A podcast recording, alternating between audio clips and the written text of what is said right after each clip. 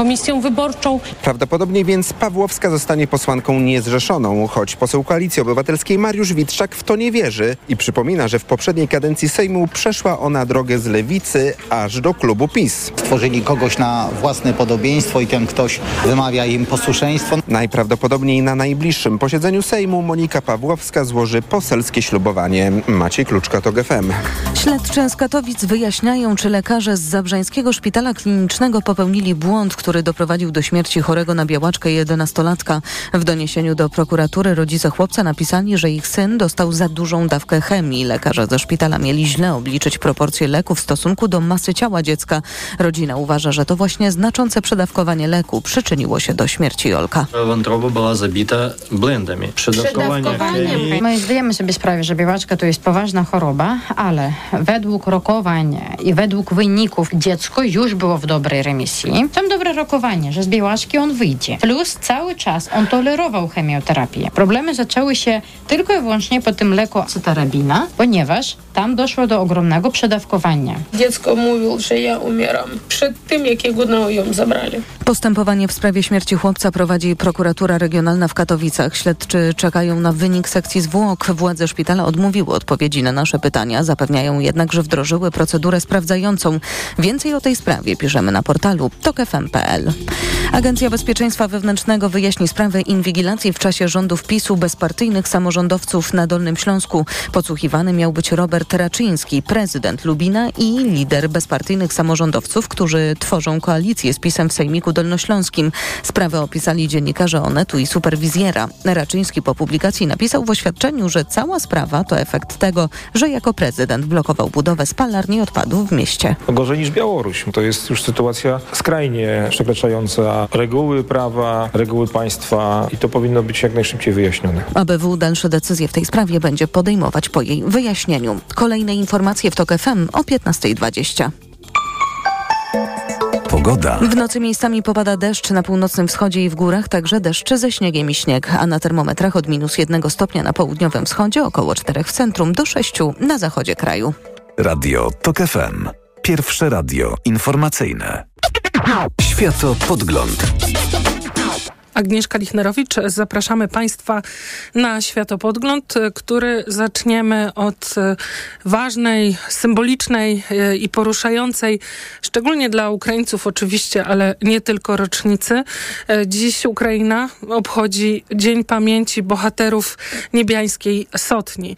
Mija 10 lat od Majdanu, dekada od rewolucji, która doprowadziła do obalenia reżimu Wiktora Janukowycza i na utratę tych politycznych, kulturowych czy ostateczną utratę tychże wpływów Rosja odpowiedziała atakiem militarnym najpierw na Krym, potem na wschód Ukrainy, czyli to luty to początek 10 lat temu tak naprawdę rosyjskiej wojny. Łączymy się w światopodglądzie teraz z Piotrem Andrusieczką, korespondentem Gazety Wyborczej w Kijowie. Dzień dobry Piotrze. Dzień dobry. Dzień Pamięci Bohaterów Niebiańskiej Sotni ustanowiony jest w dniu, w którym zginęło najwięcej z tych około 100 bohaterów e, zabitych, e, zastrzelonych albo na samym Majdanie, albo w e, jego okolicach. No najkrwawsze były te dni między 18 a 20 lutego. Mm, rewolucja i już rewolucja krwawa. Ukraińcy od tej pory właśnie oddają już życie w walce o swoją niepodległość i suwerenność. Biorąc pod uwagę to, że trwa wojna i sytuacja na wschodzie kraju jest szczególnie trudna, jak, jak ten dzień, mm, no 10 lat później, to jednak jest okrągła, e, ważna rocznica, jak on, że tak powiem, jest obchodzony? No to jest dzień jednak, wiesz, pamięci przede wszystkim, dlatego że rzeczywiście no, wiele osób y, wspomina, wspomina tę datę przede wszystkim no, w kontekście tej toczącej się walki, że tak naprawdę to był początek właśnie tej, tak jak wspominałaś, tej tej walki, która trwa, tej wojny o e, prawo do samostanowienia, do tego, żeby właśnie podążać własną drogą.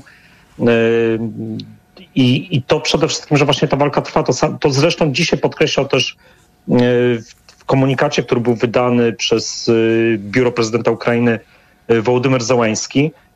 Ale tak naprawdę no, ja czytając właśnie różnego rodzaju wypowiedzi, czy też rozmawiając dzisiaj z y, ukraińskimi y, politologami, no oni właśnie widzą to jako to takie tak naprawdę właśnie te 10 lat y, nieustającej, toczącej się walki właśnie od momentu, kiedy ten Majdan wszedł tą taką kulminacyjną fazę, tak jak wspominałeś, 18-20 lutego 2014 roku i w tym samym praktycznie czasie no, rozpoczęła się właśnie ta operacja, rosyjska operacja wojskowa e, zajęcia Krymu, co jest potwierdzone medalem Ministerstwa Obrony Federacji, Federacji Rosyjskiej za Krym, na którym jest właśnie, widnieje na rewersie data 20 e, lutego 2013 roku, 18 marca 2013 e, roku, ta druga, ta druga końcowa data to jest dzień referendum, tak zwanego referendum, pseudoreferendum na Krymie.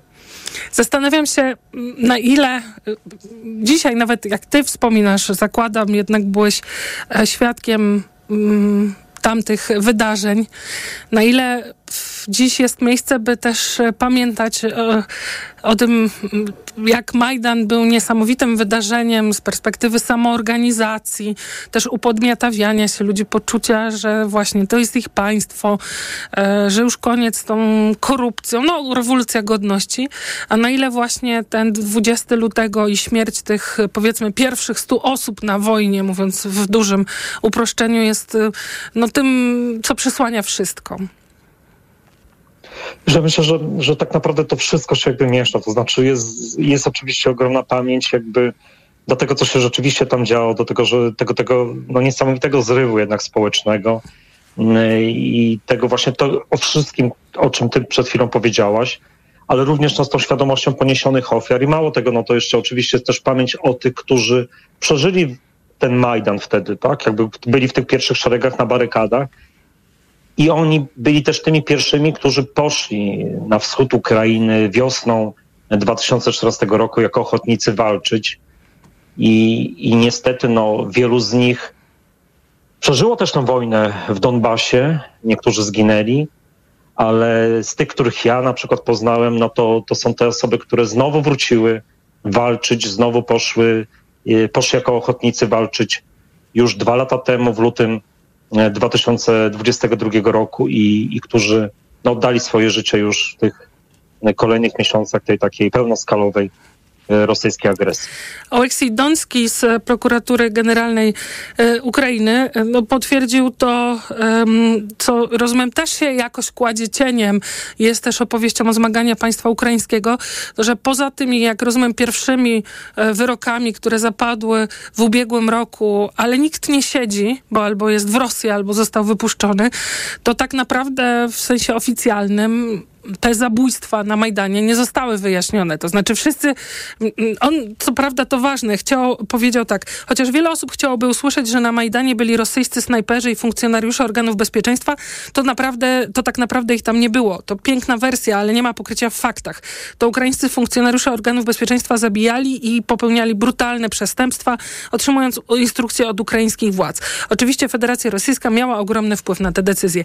Tak się zastanawiam, na ile to ciągle boli, na ile ile jest, e, prawnicy walczą, na ile jest możliwe, no jeszcze dotarcie do osób, szczegółów i wyjaśnienia tego, co tam się stało dokładnie.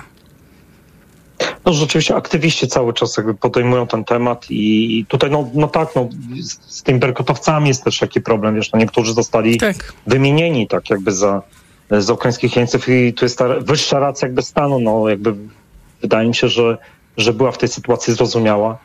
Natomiast to tak, jakby tutaj ta, to, że nie było właśnie wśród tych strzelających obywateli Rosji, to jest ważne, ale też to jest ważne to, co też jakby wspomniałeś, to dopełnienie, bo jednak no, ustalono nazwiska 20 funkcjonariuszy FSB, przy czym niektórzy to są generałowie, to jeszcze y, pod koniec ubiegłego roku ustalono właśnie te osoby, które no, były, są odpowiedzialne za podejmowanie jakby tych decyzji, jakby za yy, konsultowanie, mhm. tak można powiedzieć, jakby tak, ukraińskiej władzy i no, są uważane przez ukraiński wymiar sprawiedliwości za odpowiedzialne właśnie za to, co się stało na Majdanie. Po, pozwolę sobie zmienić wątek. Przypomnę Państwu, rozmawiamy z Piotrem Andrusieczką, korespondentem Gazety e, Wyborczej w e, Ukrainie. E, I chciałam zapytać o sprawę, nie wiem na ile ona wybrzmiewa, Maksima Kuzminowa. Państwo może pamiętacie, rosyjski pilot rosyjskiego śmigłowca, który poddał się, oddał w ubiegłym roku po długich negocjacjach, przeszedł niejako na stronę Ukrainy. No i ostatecznie zamiast mieszkał w Hiszpanii, gdzie w ubiegłym tygodniu miał e, zostać zastrzelony. Za to przejście mm, dostał, miał dostać bezpieczeństwo, pół miliona dolarów. Ukraińcy teraz, e, przedstawiciele służb mówią, że gdyby był w Ukrainie, to, to mogli go chronić, no a zastrzelony został w pobliżu Alicante. No właśnie, jak, jak ta sprawa jest rozumiana i komentowana? Tu jest oczywiście dużo pytań, dużo szczegółów i tak dalej, i tak dalej. Ale na ile ona jest znacząca, bo jest jednak jakąś przestrogą dla potencjalnych Rosjan, którzy byliby gotowi przejść. E, właśnie jak, jak ją rozumieć? No tak, to jest, to jest sprawa, którą oczywiście tutaj w Ukrainie śledzi wiele osób, dlatego że to była no, głośna historia z helikopterem mm, rosyjskim. E, to ja powiem tak, że wiesz, no, w, oczywiście to jest jakby to rzeczywiście jest widoczny ten taki negatywny, jakby negatywne następstwa, czyli właśnie to, jak mówiłaś, że to może być przestrogą dla tych innych Rosjan, którzy by zdecydowali się na coś podobnego. E, I to jest prawdą jest też to, że ukraińskie służby no, gwarantowały jemu bezpieczeństwo, ale na terytorium Ukrainy. No to też jest, jest zrozumiałe. I też wiele osób jakby no mówi, że rzeczywiście, jeżeli on by został w Ukrainie, to być może do tego, no, z, duże, z dużym prawdopodobieństwem do tego by nie doszło. E, natomiast on nawet, wiesz, zaczęły się pojawiać jakieś takie też trochę teorie, e, trochę takie różne, mówiąc o tym, że a czy na pewno on zginął, że może to jednak była jakaś mistyfikacja. Oczywiście, tak. rzeczywiście ukraińskie służby mają doświadczenie w tego typu i przeprowadzania tego typu operacji. Ja pamiętam na Ukrainie z jednym z takich dziennikarzy rosyjskich, yy, z Babczenko, która rzeczywiście też była mistyfikacja śmierci, która miała zapobiec zamachowi na niego, ale też na innych podobno dziennikarzy, czy też jakichś rosyjskich aktywistów. No, to jest oczywiście no, coś trochę jakby taki political fiction. My, my tak naprawdę właśnie tych szczegółów, tymi szczegółami, szczegółami żadnymi nie operujemy, więc no nie wiemy, co tutaj, co tutaj się wydarzyło. Rosyjskie służby mają możliwości na pewno dotarcia w Europie i nie tylko w Europie do, do takich osób i na pewno im zależało na tym, żeby, żeby właśnie pokazowo jakby e, no, dokonać takiego zamachu na życie właśnie e, rosyjskiego oficera, no, który według nich no, zdradził, zdradził swoje państwo. Będziemy jeszcze do tego wracać, ale choć na koniec krótko chciałam Cię zapytać, na ile rzeczywiście tematem numer jeden, jakie to są emocje, jest blokowanie granicy e, polsko-ukraińskiej przez protestujących rolników? To są ogromne emocje. Ja powiem tak, że to jest po prostu to, co się dzieje w tych e, w zasadzie już od listopada, ale zwłaszcza w tym ostatnim tygodniu, po tym jak wysypano zboże z ukraińskich ciężarówek, no to jest coś, czego Ukraińcy zupełnie nie mogą zrozumieć. Nie mogą zrozumieć, dlaczego blokowana jest granica, kiedy większość postulatów e, protestujących dotyczy nie, nie dotyczy bezpośrednio Ukrainy. I to oczywiście wywołuje ogromne emocje, bardzo e, też negatywne reakcje i no niestety wydaje mi się, że to, to trochę jakby no zaprzepaszcza to wszystko, co wydarzyło się między nami w 2022 roku. Tutaj socjologia wyraźnie pokazuje, że w, ty, że w ciągu ostatnich tygodni no, nastąpił spadek mm, takiego pozytywnego przyjęcia, przyjmowania obywateli y, Polski, Polaków no, o prawie o połowę, nie? czyli z tych 80% w 2022 roku, więc no, to jest naprawdę to jest sytuacja, która dla mnie jest osobiście bardzo ciężka i, i no niestety ona bardzo negatywnie odbija się właśnie na te nasze relacje, też również nie tylko te polityczne, ale na tym takim poziomie e, czysto społecznym. Bardzo Ci dziękuję za rozmowę i relację. Piotr Andrusieczko, korespondent Gazety Wyborczej w Kijowie, był Państwa gościem. Po godzinie 16 wrócimy jeszcze i do sytuacji na granicy, i do protestów w ogóle rolników w e, całym e, kraju. Chcę Państwu jeszcze tylko przypomnieć, że wtorek, więc to jest też dzień premiery podcastu, podcastu Rozumieć Ukrainę. Pierwszy odcinek był poświęcony Majdanowi. E, państwo znajdziecie go w systemie podcastowym. Ten nowy, który właśnie co dopiero kilkanaście minut temu miał e, premiera, jest już związany z rocznicą wojny, ale to jeszcze więcej w Światopodglądzie. Już czas na informacje. Światopodgląd. Od światowych rynków. O Twój portfel. Raport gospodarczy. Mówimy o pieniądzach. Twoich pieniądzach. Słuchaj od wtorku do piątku po 14.40. Reklama. Stosujesz kapsułki wspierające zdrowie wątroby? Wypróbuj nowość Esselif 600. Dlaczego? Esselif 600 to aż 600 mg fosfolipidum essentiale z nasion soi w jednej kapsułce. Suplement diety Esselif 600 stosuje się raz dziennie, a opakowanie wystarcza na 50 dni. Zapytaj w aptece o Esselif 600, a cena na pewno pozytywnie Cię zaskoczy. Esselif 600. Zdrowie dla wątroby, korzyść dla portfela. Wyciąg z ostryżu długiego wspiera zachowanie zdrowej wątroby. Aflofarm. Zakupy robię w Lidl, bo to się opłaca. Już od poniedziałku. Polskie ziemniaki luzem, cena przed obniżką 2,99 za kilogram. A teraz 50% taniej, tylko złoty 49 za kilogram. Tak, tylko złoty 49 za kilogram. A olej słonecznikowy Vitador 1 litr. Teraz z kuponem Lidl Plus jedno opakowanie plus jedno gratis. Tak, olej słonecznikowy Vitador z kuponem Lidl Plus jedno opakowanie plus jedno gratis. Szczegóły promocji w aplikacji Lidl Plus. Dla takich oszczędności. Zakupy robię w Lidlu. Nowe wysokie obcasy ekstra, a w nich Magdalena Różczka. Dbanie o bliskich daje mi siłę.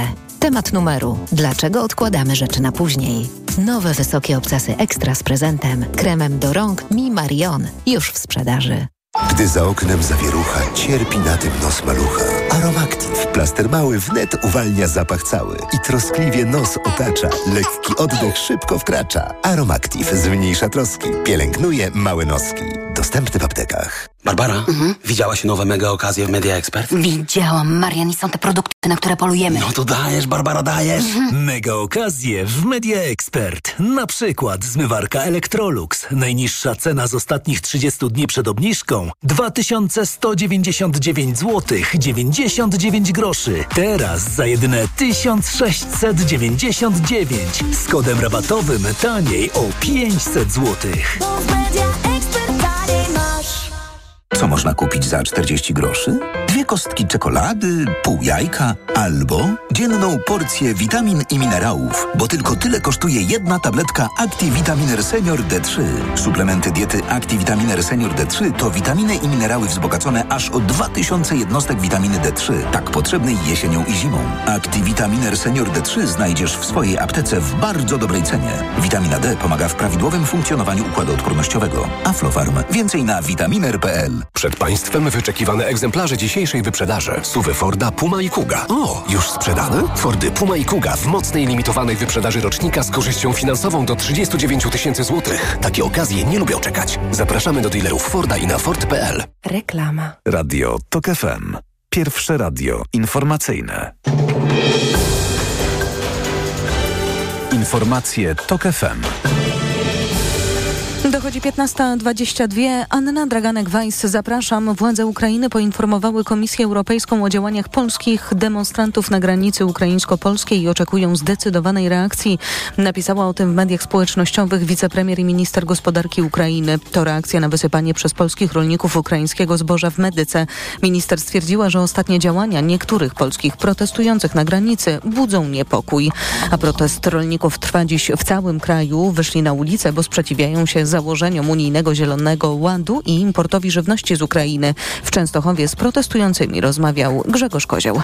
Do Częstochowy od rana zjeżdżały ciągniki z całego regionu. Zdaniem organizatorów mogło ich być ponad pół tysiąca. Na drogach w centrum miasta panował chaos. Kierowcy stali w długich korkach. Po 13 do Częstochowy przyjechał wojewoda śląski Marek Wójcik i odebrał od protestujących petycję. Proszę o trochę czasu dla nowego rządu, aby e, mógł zająć się poprawą państwa sytuacji.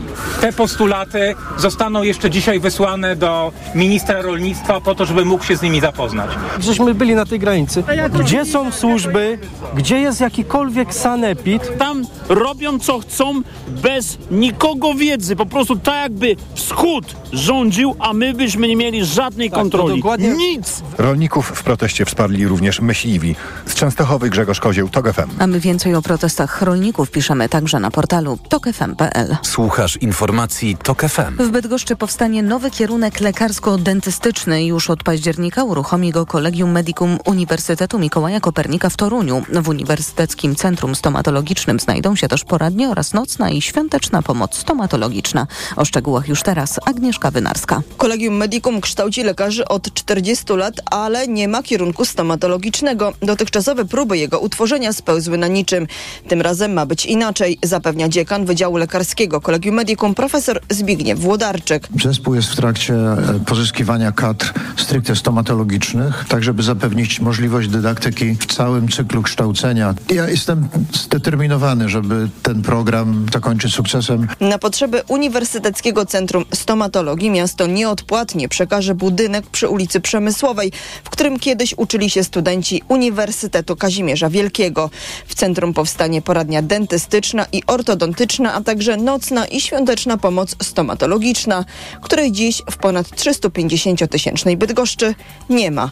Agnieszka Wynarska, TOK FM. Niemal cała Lombardia na północy Włoch zmaga się dziś z ogromnym smogiem. Po poziom zanieczyszczenia powietrza przekracza dopuszczalne normy wyznaczone przez Światową Organizację Zdrowia. W wielu miastach wprowadzono ograniczenia w ruchu, zabroniono odpalania fajerwerków, a także używania pieców na drewno starszej generacji. Dodatkowo poziom ogrzewania budynków nie może przekraczać 19 stopni. Kolejne informacje w TOK FM o 15.40, a za chwilę jeszcze prognoza pogody.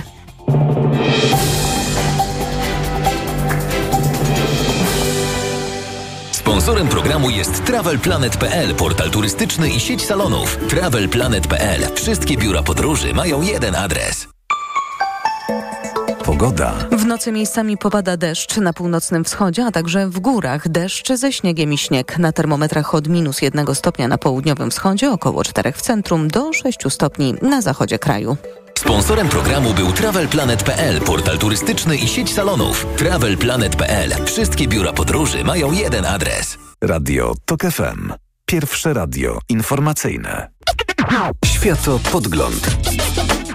Agnieszka Lichnerowicz, bohaterką tej rozmowy będzie Julna, Julia Nawalna, czyli żona zabitego no, głównego lidera Władimira Putina, Aleksieja Nawalnego. Do tej pory zawsze u jego boku, ale jednak z tyłu. E, osoba całkiem e, prywatna, nie pchająca się, mówiąc oględnie, e, przed e, kamery. Wczoraj wystosowała e, bardzo poruszające, pełne pasji polityczne, e, rozpaczy i gniewu oświadczenie i chciałabym, byśmy teraz wysłuchali fragmentu. Привет, это Юлия Навальная. To Julia Nawalna. Dziś po raz pierwszy jestem na tym kanale. Chciałabym się do Was zwrócić. Nie powinno mnie być w tym miejscu, nie powinnam nagrywać tego oświadczenia. W tym miejscu powinien być inny człowiek, ale tego człowieka zabił Władimir Putin. Trzy dni temu Władimir Putin zabił mojego męża Aleksieja Nawalnego. Putin zabił ojca moich dzieci. Zabrał mi to, co dla mnie najcenniejsze самого близкого i самого любимого. Mojego najbliższego i najukońszego człowieka. Ale Putin zabrał też Nawalnego wam. Gdzieś w kolonie na dalekiej północy za kołem podbiegunowym w wiecznej zimie Putin zabił nie tylko człowieka Aleksieja Nawalnego, razem z nim zabił naszą nadzieję, naszą wolność, naszą przyszłość. Лучшее доказательство того, что Россия может быть другой что мы сильные, что мы отважные, что мы верим и отчаянно боремся i хотим żyć по-другому. Chciał zniszczyć i wymazać najlepszy dowód na to, że Rosja może być inna, że jesteśmy silni, odważni, wierzymy i walczymy des desperacko, że chcemy żyć inaczej, e, mówiła. Łączymy się w Światopodglądzie teraz z Maszą Makarową, e, dziennikarką rosyjską, współpracującą z Biusatem. Dzień dobry. Dzień dobry.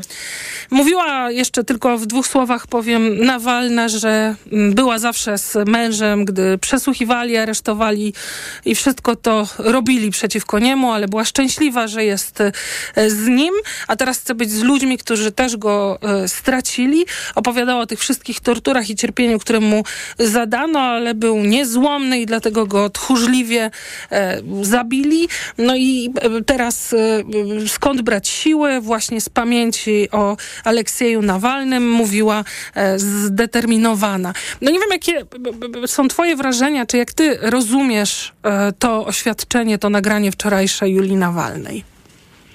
To znaczy ona mówiła też e, o tym, że te siły do działania um, trzeba brać nie tylko z pamięci czy z żałoby po Aleksieju Nawalnym, ale też ze wściekłości, ze wściekłości i z gniewu w stosunku do tych, którzy ośmielili się, jak powiedziała e, Nawalna, zabić naszą, czyli Rosja, e, przyszłość, e, też ze wściekłości, że zamordowali Aleksieja Nawalnego. I myślę, że to jest bardzo ważne przesłanie, ponieważ bardzo Dużo Rosjan po morderstwie Aleksieja Nawalnego odczuwało oczywiście szok, bo to wszystkich zaskoczyło, mimo że no, przez wiele miesięcy też spodziewali się pewnie wszyscy, że coś w tej kolonii może nastąpić, e, ale później no, było takie poczucie totalnej bezradności, totalnej beznadzieji i że to właśnie Nawalna chce kontynuować dzieło swojego męża, kobieta, która, e, tak jak powiedziałeś, zawsze stała obok. Ona mm, w odróżnieniu na przykład od Światłany Cichanowskiej e, nie była niewidoczna przy swoim mężu, ona zawsze była bardzo widoczna.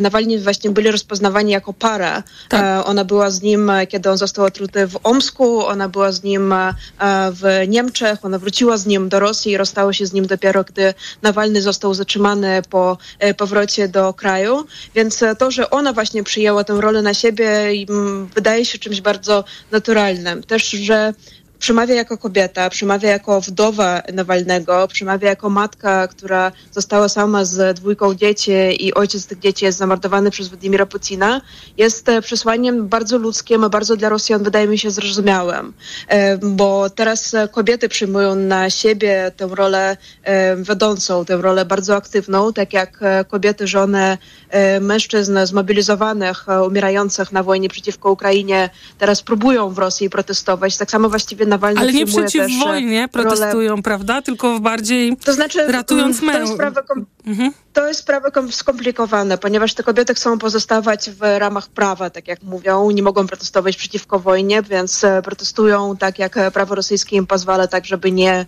nie wsiąść od razu za kratki. E, chcą przede wszystkim powrotu swoich mężczyzn z e, wojny, ale w rozmowach prywatnych opowiadają się w sposób bardziej, bardziej odważny niż mówią to publicznie. Więc Julia Nawalna w odróżnieniu chyba od innych osób z Fundacji Walki z Korupcją ma większy potencjał i większy też kapitał, który zostawił po sobie e, Aleksiej Nawalny po prostu jako jej e, mąż. No nie wiem, ja kiedy słuchałam wczorajszego przemówienia, to powiem szczerze, że miałam ciarkę i wiem, że wiele osób, które wczoraj wysłuchały tego przemówienia, popłakały się po tym, jak e, razem z Nawalną jeszcze raz przeżywały e, to morderstwo, którego świadkami staliśmy się kilka, kilka dni temu. E, więc w tym jest duży potencjał. No pytanie, jak Julia Nawalna tak jakby ten potencjał też wykorzysta. Ona zresztą nie skończyła na tym orędziu do Rosjan. Wczoraj też przemówiła do władz Unii Europejskiej i tam już słyszymy bardzo konkretne żądania. E, żąda, żeby władze Unii Europejskiej nie uznawały wyborów e, Władimira Putina, e, które odbędą się no już mniej niż za miesiąc. To jest ważny moment. Tym, że... Przepraszam, że wchodzę ci w słowo, mhm. ale wydaje mi się, że w Polsce to wybrzmiewa już od paru tygodni, mówi o tym bardzo wielu ekspertów, że są jakby to jest bardzo w sensie prawnym wydaje się oczywiste, że w wyniku wyborów nie należy uznawać chociażby dlatego, że będą na terytoriach okupowanych, co jest niezgodne z prawem międzynarodowym, no ale też wiemy w jakich warunkach one się E, odbywają, więc rzeczywiście pytanie, czy w czy, czy ta kampania przekonywania polityków, by tych, tego wyniku głosowania nie, Putina po prostu nie uznawać, czy ona ma, czy uda się, między innymi Nawalnej, ale nie tylko jej przecież e, to wywalczyć. Znaczy te wybory w ogóle nie powinny się odbyć, bo te wybory, które teraz e, się odbędą 17 marca, odbywają się niezgodnie z, ze zmienioną konstytucją Rosji, ponieważ Władimir Putin w roku 2020 wyzerował wszystkie swoje poprzednie kadencje i teraz będzie mógł jeszcze dwa razy e, startować w wyborach prezydenckich, czyli zostanie jeszcze na wiele lat z Rosją, jeśli e, nic w Rosji się nie zmienia. Nawalna e, mówi, że prezydent, który zamordował swojego głównego przeciwnika politycznego z definicji nie może być legalny. Czy Unia Europejska po wyborach, które się odbędą, po prostu powie, no, że wybory odbyły się niezgodnie z prawem międzynarodowym, bo między innymi na terytoriach e, okupowanych Ukrainy, że zostały sfałszowane, bo wybory prawdopodobnie w dużym stopniu odbędą się elektronicznie, gdzie obserwatorzy w ogóle nie mają żadnej szansy na to, żeby złapać Kreml na fałszerstwach i kłamstwach. Ale czy Unia Europejska uzna, uzna, że Władimir Putin jest nielegalny, czy dalej będzie prowadzić z nim rozmowy? To jest duże pytanie i tutaj, jak obserwuję teraz dyskusję rosyjskich politologów, no to większość niestety jest bardzo sceptyczna, mhm. bo Unia czy Stany Zjednoczone wolą jednak prowadzić ten bardzo okrojony, ale jednak jakikolwiek dialog z Kremlem i z Władimirem Putinem, niezależnie od tego, czy Putin jest legalnie. Ale też Nawalna chce, to chce tylko jeszcze, przepraszam, dodatkowych... No, mhm. Wejdę ci słowo, ale to jest informacja z ostatnich tak zwanej minuty, bo MSZ Polski, Ministerstwo Spraw Zagranicznych poinformowało, że wezwało ambasadora Rosji Sergieja Andriejewa e, e, i poprzez to wezwało władze Rosji do wzięcia odpowiedzialności za śmierć Aleksieja Nawalnego i przeprowadzenia pełnego i transparentnego śledztwa. To wydaje się bardzo mocne stanowisko.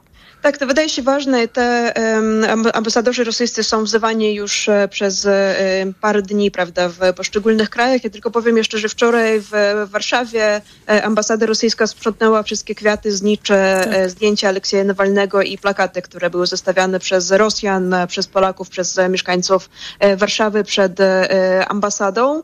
Także wiem, że ludzie po prostu na nowo przynoszą teraz tam, bo to jest właściwie jedyne miejsce związane z Rosją, kwiaty, znicze i, i zdjęcia e, Nawalnego. E, wracając do Julii Nawalnej, ona też e, wymaga od Unii Europejskiej nowych sankcji i sankcji takich bardzo tak jakby skierowanych w konkretne osoby związane z Kremlem. Mówi, że Fundacja Walki z Korupcją, współpracownicy Nawalnego mają ogromne doświadczenie, jeśli chodzi o poszukiwanie tak zwanych skarbonek Władimira Putina czy innych rosyjskich urzędników, czyli poszukiwanie osób, które przechowują tak jakby te pieniądze, ale wiadomo, że te osoby są związane z Kremlem, czy są związane z e, rosyjskim biznesem, czy rosyjskimi urzędnikami. Mówi o tym, że Fundacja Walki z Korupcją pomoże wytropić takie osoby, czy ich krewnych. E, ciężko sobie to wyobrazić, ale przecież była żona Władimira Putina, e, nadal ma dom we Włoszech wraz ze swoim nowym mężem i ten dom nie jest aresztowany. Tak samo posiadłości mają inni rosyjscy urzędnicy.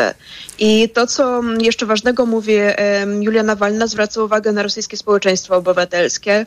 Mówię o tym, że Właściwie e, taką główną narracją e, samego Nawalnego to było odróżnienie Putina od Rosji, że ludzie, którzy uciekają z Rosji przed wojną czy przed dyktaturą, nie są wraga, wrogami mieszkańców Unii Europejskiej, że oni potrzebują e, współczucia i ochrony i nie należy ich karać, należy im pomagać. Mówię o tym, że są potrzebne jakieś mechanizmy prawne, żeby takie osoby czuły się bezpiecznie w Unii Europejskiej, bo to właśnie ci ludzie jej zdaniem pewnego dnia staną się częścią, jak mówię, pięknej Rosji przyszłości.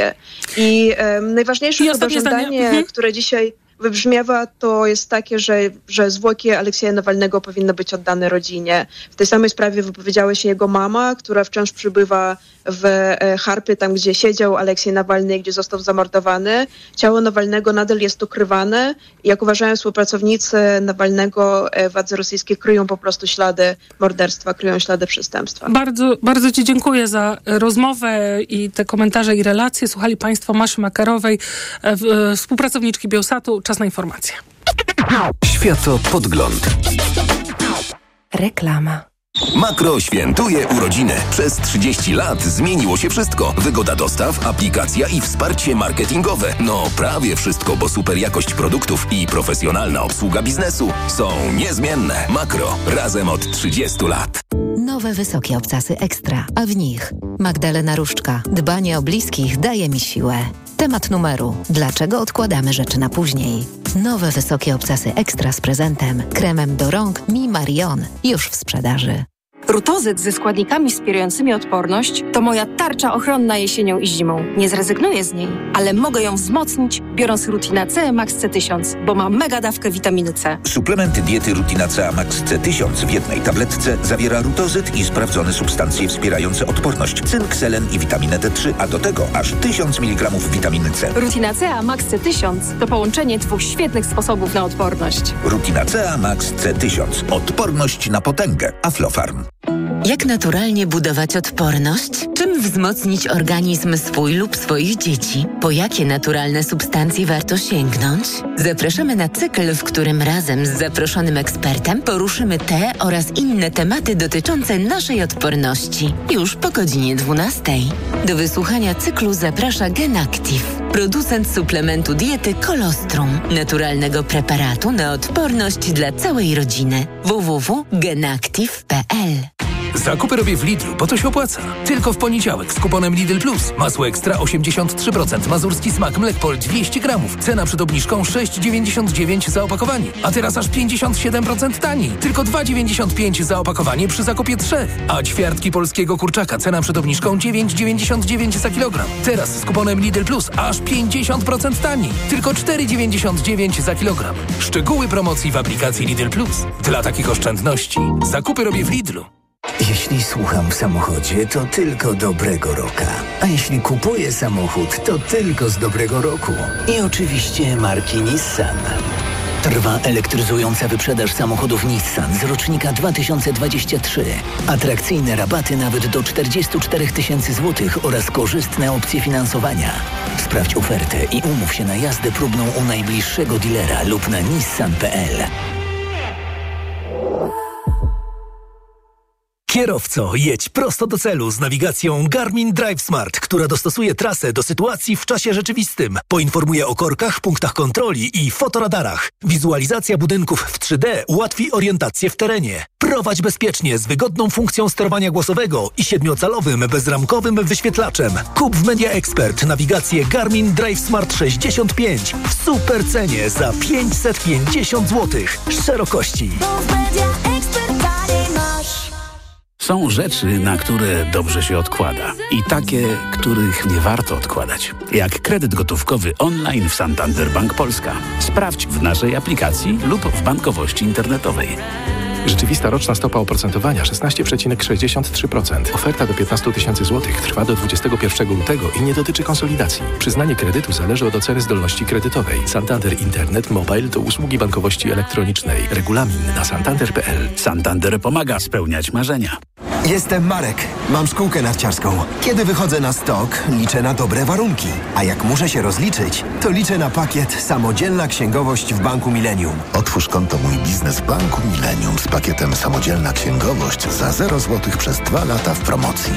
Warunki promocji zawarte są w regulaminie promocji 2 lata gratis, która trwa do 29 lutego 2024 roku. Szczegóły i regulamin dostępne są na stronie banku. Bank Millennium. Inspirowany Tobą. Reklama. Radio TOK FM. Pierwsze radio informacyjne. Informacje TOK FM.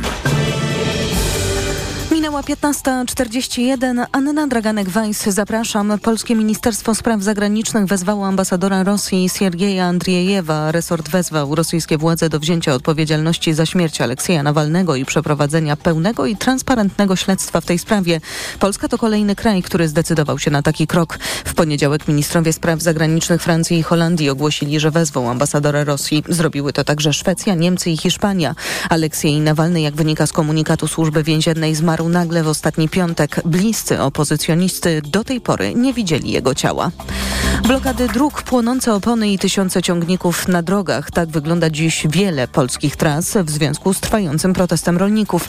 W sumie blokują drogi w blisko 200 miejscach w Polsce. Zablokowana jest m.in. Krajowa Siódemka między Elblągiem a Gdańskiem. Kierowcy próbowali przekonać protestujących, by ich przepuścili.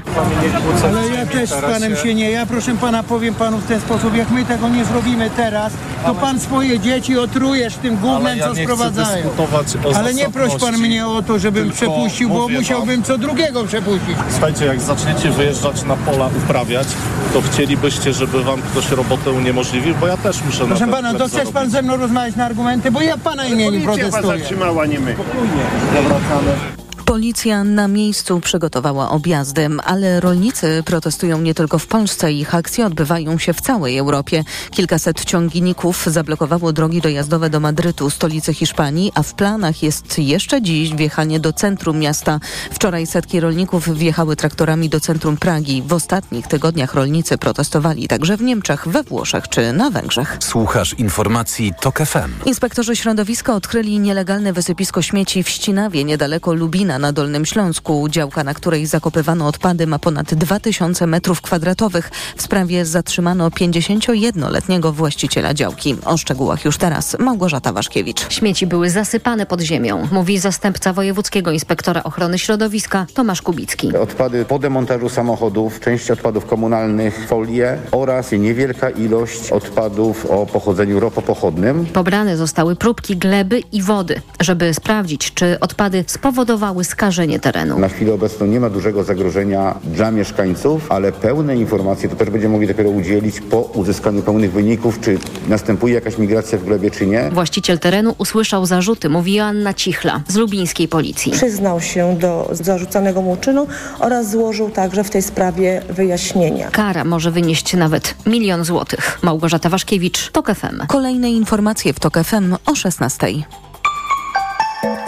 Pogoda. W nocy miejscami popada deszcz, na północnym wschodzie i w górach także deszcz ze śniegiem i śnieg. Na termometrach od minus jednego stopnia na południowym wschodzie, około 4 stopni w centrum, do 6 na zachodzie kraju.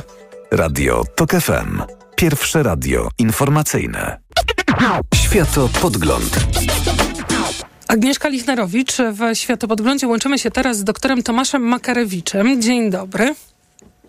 E, szanowni Państwo, Pani redaktor, dzień dobry. Dzień dobry, doktor Tomasz Makarewicz jest junior profesorem na Uniwersytecie w Bielefeld.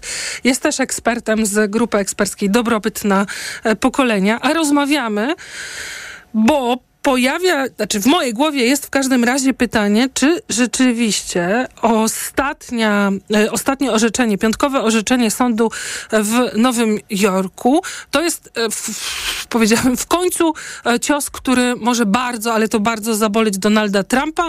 Niektórzy nawet piszą, że jego imperium jest, czy było o krok od bankructwa, a to nie tylko dlatego, że um, sprawa dotyczyła tego, czy fałszował um, dokumenty i przez to zawyżał wartość majątku po to, by mieć lepsze e, kredyty. I w związku z tym ma zapłacić e, ponad 350 milionów e, dolarów kary. To jest sporo, bo jak rozumiem, szacunki są takie, że to mm, jeszcze tam z dodatkowymi kosztami jest ponad połowę jego majątku. Ale tam jest również, są takie mm, orzeczenia, że on na przykład przez trzy lata nie, nie może kierowniczych stanowisk w swojej firmie E, pełnić oraz brać e, kredytów w instytucjach finansowych, które są zarejestrowane w e, Nowym Jorku. Więc jak pan to ocenia? Należy też dodać, że nie tylko on, ale też dwojego najstarszych synów, to znaczy Donald Junior i Eryk. Oni też mają ten trzyletni zakaz. I to jest bardzo poważny cios oczywiście w imperium Trumpa. Nawet zakładając, że on rzeczywiście jest takim miliarderem, e, jak twierdzi, że jest, to są bardzo poważne pieniądze, ale prawda jest taka, że my trochę nie, nie do końca wiemy, ile on tak naprawdę ma pieniędzy. Najpewniej ma, e, najpewniej jest jakimś tam miliarderem, może ma miliard, może ma dwa miliardy, ale e, no, w tym momencie to rzeczywiście może być połowa jego majątku. I to nie są tylko te koszty, te 350 milionów dolarów. Tutaj jest także to, że on się będzie na pewno no, będzie na pewno próbował apelować E, e, w tym czasie te pieniądze będą rosnąć, bo będą dochodzić odsetki. E, I, a na apelacji najprawdopodobniej przegra. Do tego dochodzi też ten werdykt w innej sprawie, to jest ta sprawa o zniesławienie, jaką wytoczyła, wytoczyła mu Ijen Carroll.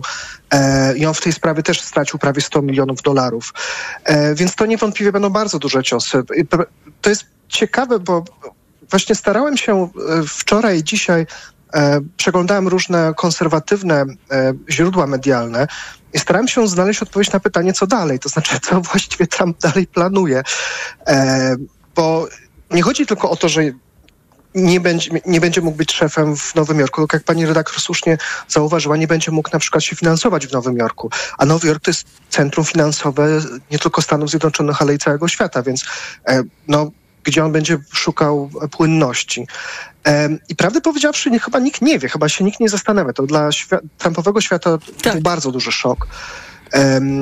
Nie tylko to, że on został, e, no, nie tylko wymiar kary, ale w ogóle to, że on został skazany. Jakby ludzie w Trumpowym świecie trochę zapomnieli o tym, że Trump tak naprawdę ma długą historię różnych takich dziwnych przekrętów. Mój ulubiony to jest fakt, że Trump założył kiedyś uniwersytet e, to się dosłownie nazywa Uniwersytet Trumpa.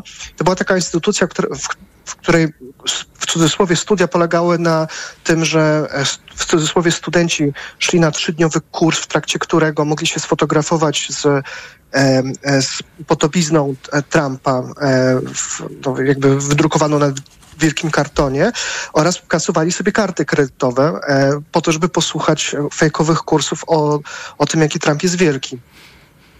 E, I on notabene za to też został skazany. Musiał tak. zapłacić, już nie pamiętam ile, chyba ćwierć miliona dolarów za doświadczenia e, dla, dla e, swoich ofiar. Więc to jest taka jedna sprawa. Czy to zatopi imperium Trumpa? Wydaje mi się, że jesteśmy już trochę poza tym punktem, bo tak naprawdę o tym, że z Trumpem nie powinno się prowadzić biznesów, świat ten biznesowy, amerykański, to wie już od dawna. I tak naprawdę, tak naprawdę od połowy czy właściwie od początku ubiegłej dekady, od początku lat 2010. Nie wiem, czy pani redaktor pamięta, ale parę lat temu, jakoś w połowie jego kadencji, bodaj New York Times dokopał się do do jego zeznań podatkowych, z których wyłonił się obraz człowieka, który właściwie na początku mniej więcej roku 2010 prawie, że był zbankrutowany kompletnie. Tak. I to, co go uratowało wtedy, to to, że on e, e, wziął udział w tym e, reality show. E, no, no odrodził chyba, się jako celebryta już. Tak, tak, tak. Jakby na tym zaczął zarabiać. I potem oczywiście, kiedy został prezydentem, jego organizacja też zaczęła znowu sporo zarabiać. E, no, dlatego, że po prostu ludzie chcieli mieć do niego dostęp. Tak? Taka słynna sprawa to jest to, że e, w jego hotelu w Waszyngtonie e, pobyty spędzały delegacje na przykład z Arabii Saudyjskiej, płacąc za pokój jakieś, jakieś kosmiczne bajańskie pieniądze. No, ale bo, to są, um, więc, bo to są dwa, dwie kwestie, więc, wydaje mi się, to znaczy trzy w zasadzie. Tak. Jedna to jest, czy, czego będzie stać na zapłacenie e, tych wszystkich. No on się będzie, tak jak pan mówił, odwoływać, no ale jak rozumiem, to musi wyłożyć na razie, zamroził mu e, e, te tak. E, pieniądze, ale w każdym razie, e, czy będzie go stać? No, druga, co to znaczy właśnie prowadzić takie imperium biznesowe bez możliwości e, finansowania w Nowym Jorku? A trzecia, wydaje mi się też ciekawa, chociaż chyba najmniej istotna, ale uderzyło mnie, bo BBC opisując właśnie tę sprawę z tej perspektywy imperium biznesowego, no podkreśla, że to uderza jakby w samo sedno, rdzeń tożsamości e, Trumpa jako tego super ekstra skutecznego i e, biznesmena, no a tu się okazuje, że to oszust w uproszczeniu, no tak wynika z tego orzeczenia. Czy rzeczywiście to znaczy... uderza w wizerunek? E, to znaczy, E, wie pani redaktor, wydaje mi się, że e, generalnie jest tak, że są ludzie, którzy są w Trumpie zakochani do końca i dla tych ludzi ten wyrok nie ma znaczenia. W konserwatywnych mediach wręcz się mówi, że to jest akcja polityczna. Podkreślmy, to nie jest akcja polityczna. Prokuratora w Nowym Jorku nie zależy w żaden sposób od, od Joe Bidena. Są ludzie, którzy już wiedzą o tym, że Trump jest e, no, oszustem. Najważniejsze to jest to, żeby ta informacja dotarła do ludzi, którzy są jakby pośrodku, do ludzi, którzy nie do końca się interesują polityką i o, i o Trumpie wiedzą tylko tyle, że już czasami się pojawia w telewizji. Dla takich ludzi to rzeczywiście może być ważna informacja. Mhm. Jeśli chodzi o finansowanie tego, e, tej kary, to też jest bardzo ciekawa kwestia, bo musimy pamiętać o tym, że kiedy mówimy o bardzo bogatych ludziach, e, o tym, że jakiś tam Miksiński jest wart ileś tam e, miliardów dolarów, to nie jest tak, że oni mają konto, na którym te parę miliardów mhm. dolarów sobie siedzi. To są ludzie, którzy, których cały majątek bardzo często jest po prostu w formie różnego rodzaju papierów wartościowych. To mogą być akcje firmy, e, która należy do tej osoby. E, w wypadku Trumpa to na przykład na pewno będą e, jakieś nieruchomości, tak, ten, ten, ten jego Trump Tower i tak dalej, e, czy Marolago, e, Marolago ta posiadłość na Florydzie. I to oznacza, że jeśli taki człowiek musi nagle wyłożyć dużą ilość gotówki na, na stół z jakiegoś powodu, to taki człowiek zazwyczaj to, to, co się w Stanach robi i to też z powodów podatkowych na, na boku, to się po prostu bierze kredyt pod zastaw jakichś tam aktywów. E, no, ale on nie to może. Kompletnie nie związane z... I właśnie na tym polega problem, że Trump trochę nie może, nie? więc on musi mieć tę, tę gotówkę dosłownie na koncie. Inaczej będzie mu bardzo trudno e, zebrać odpowiednią sumę. E, więc to, jest, to też będzie bardzo, bardzo ciekawe. Bo ma, rozumiem, 30 ja... dni, żeby te kary jakoś tam zapłacić, tak? tak? To, to rozumiem się wyjaśni tak, w ciągu tak, tak. miesiąca. Czy coś sprzedaje. Więc to się wyjaśni. Tak, dlatego też mówiłem, że przeglądałem media konserwatywne. Po mhm. prostu byłem ciekawy, jaki jest plan i wydaje się, że w tej chwili nie ma planu, więc e, Trump na pewno będzie próbował coś, coś szybko załatwić. I taka kolejna sprawa, która Trumpowi może przeszkadzać e, i notabene też powód, dla którego on ostatnio tak przegrywa w sądach, to jest to, że e, on ma dodatkowo taki problem, że on sobie też zepsuł reputację nie tylko w świecie biznesowym, ale też w świecie prawniczym, bo po prostu mówiąc wprost, on się przez, ostatnie, przez ostatnią dekadę mniej więcej non-stop procesuje i w pewnym momencie przestał płacić swoim e, prawnikom. E, najsłynniejszy przykład jest Rudy Giuliani, tak, który dosłownie zbankrutował przez Trumpa. E, więc jakby poza takim czysto, czysto finansowym e, wymiarem tej kary, e, jeśli on będzie chciał próbować właśnie znaleźć jakieś finansowanie, kredyt w jakimś, e, w jakimś innym stanie i tak dalej, i tak dalej, on potrzebuje też prawnika, żeby to de facto obsłużyć. Też jest ciekawe, czy znajdzie sobie prawników, no, którzy myślę, w ogóle są w stanie zrobić coś takiego.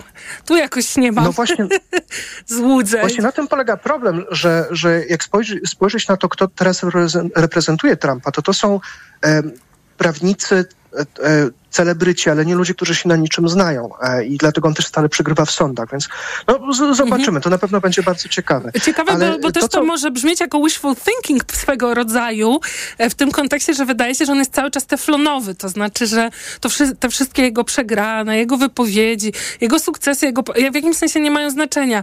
Ludzie albo na niego głosują, albo uważają, że jest w uproszczeniu protofaszystą. Po prostu jest niebezpieczny.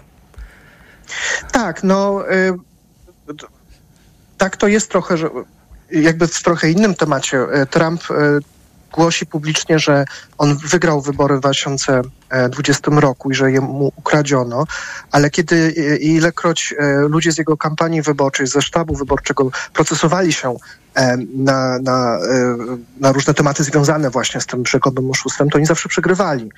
E, zdaje się, że w, tuż po wyborach prawnicy Trumpa wytoczyli jakieś 60 spraw różnym stanom i tak dalej i tak. wszystkie te sprawy przegrali.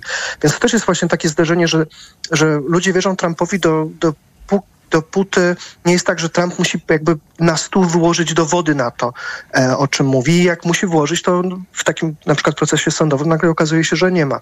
Ale jeszcze na sam koniec ja bym chciał powiedzieć, że paradoksalnie, e, ja myślę, że on się jakoś z tego prędzej, w ten czy w inny sposób wywinie. Na pewno jest tak, że na przykład on i jego dzieci będą mogły prowadzić bardzo bogaty tryb życia, choćby z tego, że jego wyborcy po prostu będą wpłacali tak.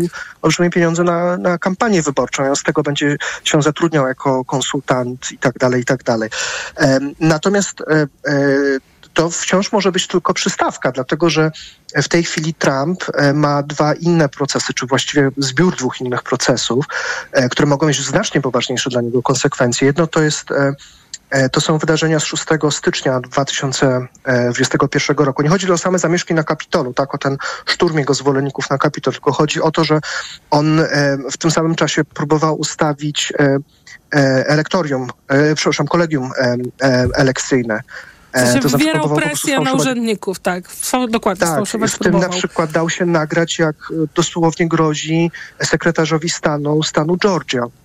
E, I druga taka sprawa to są te do, tajne dokumenty, które on trzymał u siebie w, w tej swojej posiadłości na Florydzie nielegalnie i się chwalił tym. I notabene też jest na, na, dał się nagrać na taśmie, jak się chwali ludziom, że ma y, tajny plan ataku y, Stanów Zjednoczonych na Iran. Nie żartuję, to jest tak, tak prawdziwa tak historia.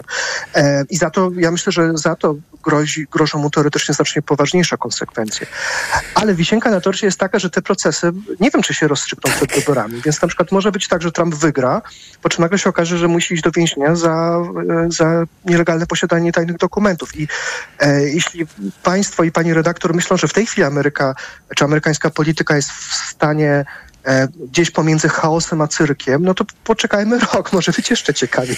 Bardzo dziękuję za rozmowę i za analizę. Profesor Tomasz Makarewicz z Uniwersytetu w Bielefeld i Grupy Dobrobyt na Pokolenia był Państwa gościem. Informacja. Światopodgląd. Głosy Radia TOK FM po godzinach. Los Polando z Pawła Sulika. Słuchaj dziś po godzinie 22.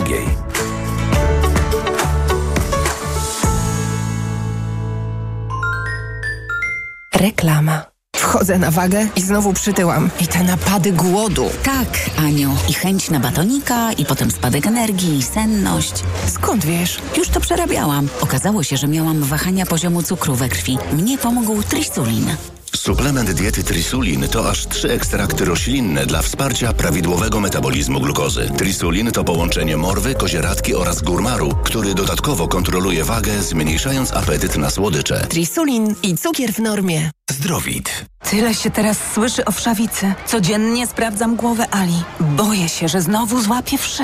Mieliśmy to samo, ale teraz u naszych dzieci stosujemy profilaktycznie Sora Protect. Sora Protect? Tak, Sora Protect to aerozol, który ma właściwości powlekające oraz olejki zapachowe, dzięki czemu odstrasza wszy i gnidy. Sora Protect zapobiega zarażeniu i ogranicza rozprzestrzenianie się wszawicy. Wystarczy codziennie spryskać włosy i to tyle. To jest wyrób medyczny. Używaj go zgodnie z instrukcją używania lub etykietą. Aflofarm. Mega okazje w Media Expert. Smartfony, laptopy, telewizory, odkurzacze, ekspresy do kawy, pralki i suszarki, lodówki i zmywarki w super niskich cenach. Gdy za oknem zawierucha, cierpi na tym nos malucha. Aromactive, plaster mały wnet uwalnia zapach cały i troskliwie nos otacza. Lekki oddech szybko wkracza. Aromactive zmniejsza troski, pielęgnuje małe noski. Dostępny w aptekach. Marzysz o własnym mieszkaniu lub o inwestowaniu w nieruchomości? Rezi Capital, oferujący mieszkania w najlepszych lokalizacjach, zaprasza na dni otwarte w Łodzi i Katowicach w piątek i sobotę 23 i 24 lutego. Adresy biur sprzedaży znajdziesz na www.rezicapital.pl. Przyjdź i sprawdź wyjątkowe oferty. Jeśli kupić chcesz mieszkanie lub wynająć ładne, tanie, to nie będzie to zagadka, że najszybciej jest nagradka. Nagradka.pl znajdziesz mieszkania, domy i działki. Codziennie nowe ogłoszenia z całej Polski. Szukaj nagradka.pl. Na odporność od dawna stosowałem witaminę C w dawce 1000 mg. A teraz zmieniłem swój produkt na Rutina C Max C1000. Nie zmieniłem dawki witaminy C, ale wzmocniłem orutozyt i uznane składniki wspomagające odporność. Suplementy diety Rutina C Max C1000 w jednej tabletce zawiera aż 1000 mg witaminy C, a do tego rutozyt i sprawdzone substancje wspierające odporność, cynk, selen i witaminę D3. Rutina C Max C1000 to połączenie dwóch świetnych sposobów na odporność. Rutina C Max C1000. Odporność na potęgę. Aflofarm. Reklama. Radio TOK FM. Pierwsze radio informacyjne. Wtorek 20 lutego minęła 16.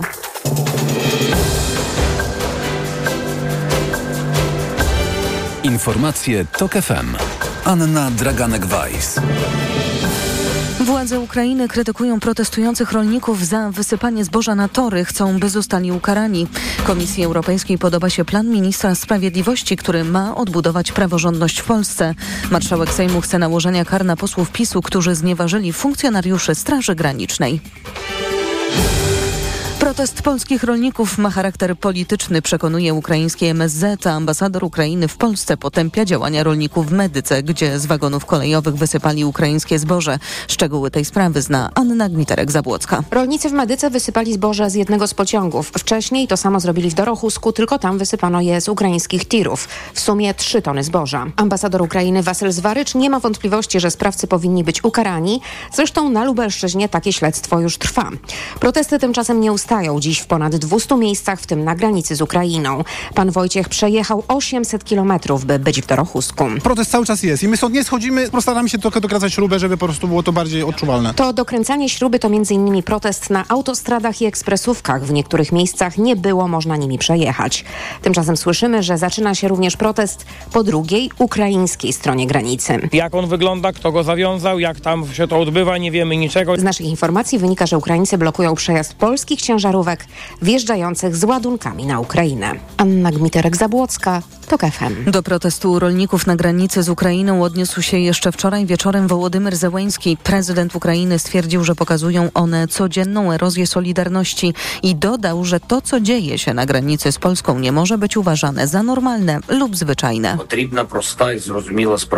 Potrzebna jest prosta i jasna sprawiedliwość. Tylko 5% naszego eksportu rolnego przechodzi przez polską granicę, więc w rzeczywistości w całej sytuacji nie chodzi o zboże, a raczej o politykę. A w pobliżu Kupiańska, blisko rosyjskiej granicy, gdzie wroga artyleria nie milknie, informacje z granicy z Polską wydają się wręcz kpiną.